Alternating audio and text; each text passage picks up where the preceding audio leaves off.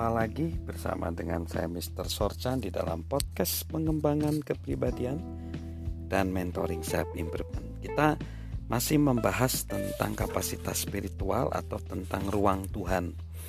Ruang Tuhan adalah tempat dalam diri saya, tempat saya membiarkan Tuhan melakukan apa pun yang mustahil saya lakukan.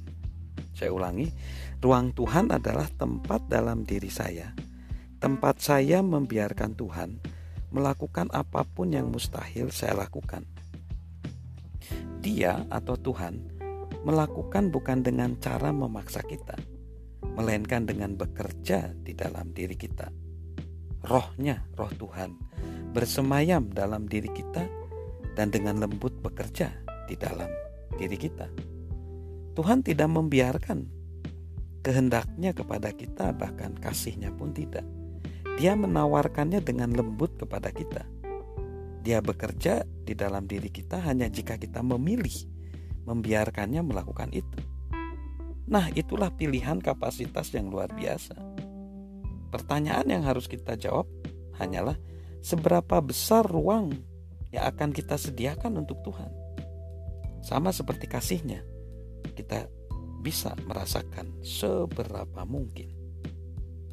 Lalu, ruang Tuhan tidak bisa dijelaskan dan tidak bisa atau tidak terbantahkan. Ruang Tuhan tidak bisa dijelaskan dan tidak terbantahkan. Mungkin hal yang paling menakjubkan tentang ruang Tuhan adalah Tuhan mengizinkan orang biasa seperti kita seperti Anda dan saya untuk memiliki akses ke sana.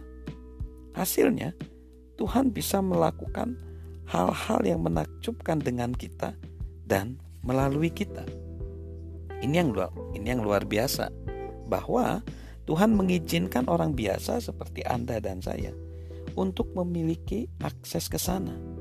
Sehingga kita bisa melakukan hal-hal yang luar biasa bersama dengan Tuhan, kita dengan Tuhan kita tidak punya banyak hal untuk ditawarkan ke Tuhan, kecuali diri kita. Tuhan ingin kesediaan dari kita, bukan kekuatan kita. Jika kita pikir bahwa kita bisa melakukannya segalanya dengan sendirian, dan kita berusaha mencari semacam kekuatan rahasia, segeralah berhenti, karena itu sia-sia saja. Berfokuslah pada sumber daya Tuhan yang tidak ada habisnya. Dia mampu melakukan apa yang tidak bisa kita lakukan. Dia rela melakukannya jika kita bersedia mempercayai Tuhan untuk melakukannya. Nah, jadi ruang Tuhan, ruang Tuhan yang adalah tempat di dalam diri kita tempat kita membiarkan Tuhan melakukan apa pun yang mustahil bagi kita lakukan. Dan juga ruang Tuhan tidak bisa dijelaskan, tidak bisa terbantahkan. Dia mau melakukannya bersama dengan kita. Itu adalah hal yang patut kita mengerti bahwa itu akan menambah kapasitas kita menjadi pribadi yang berhasil, yang sukses. Salam sukses luar biasa dari saya Mr. Sorchan.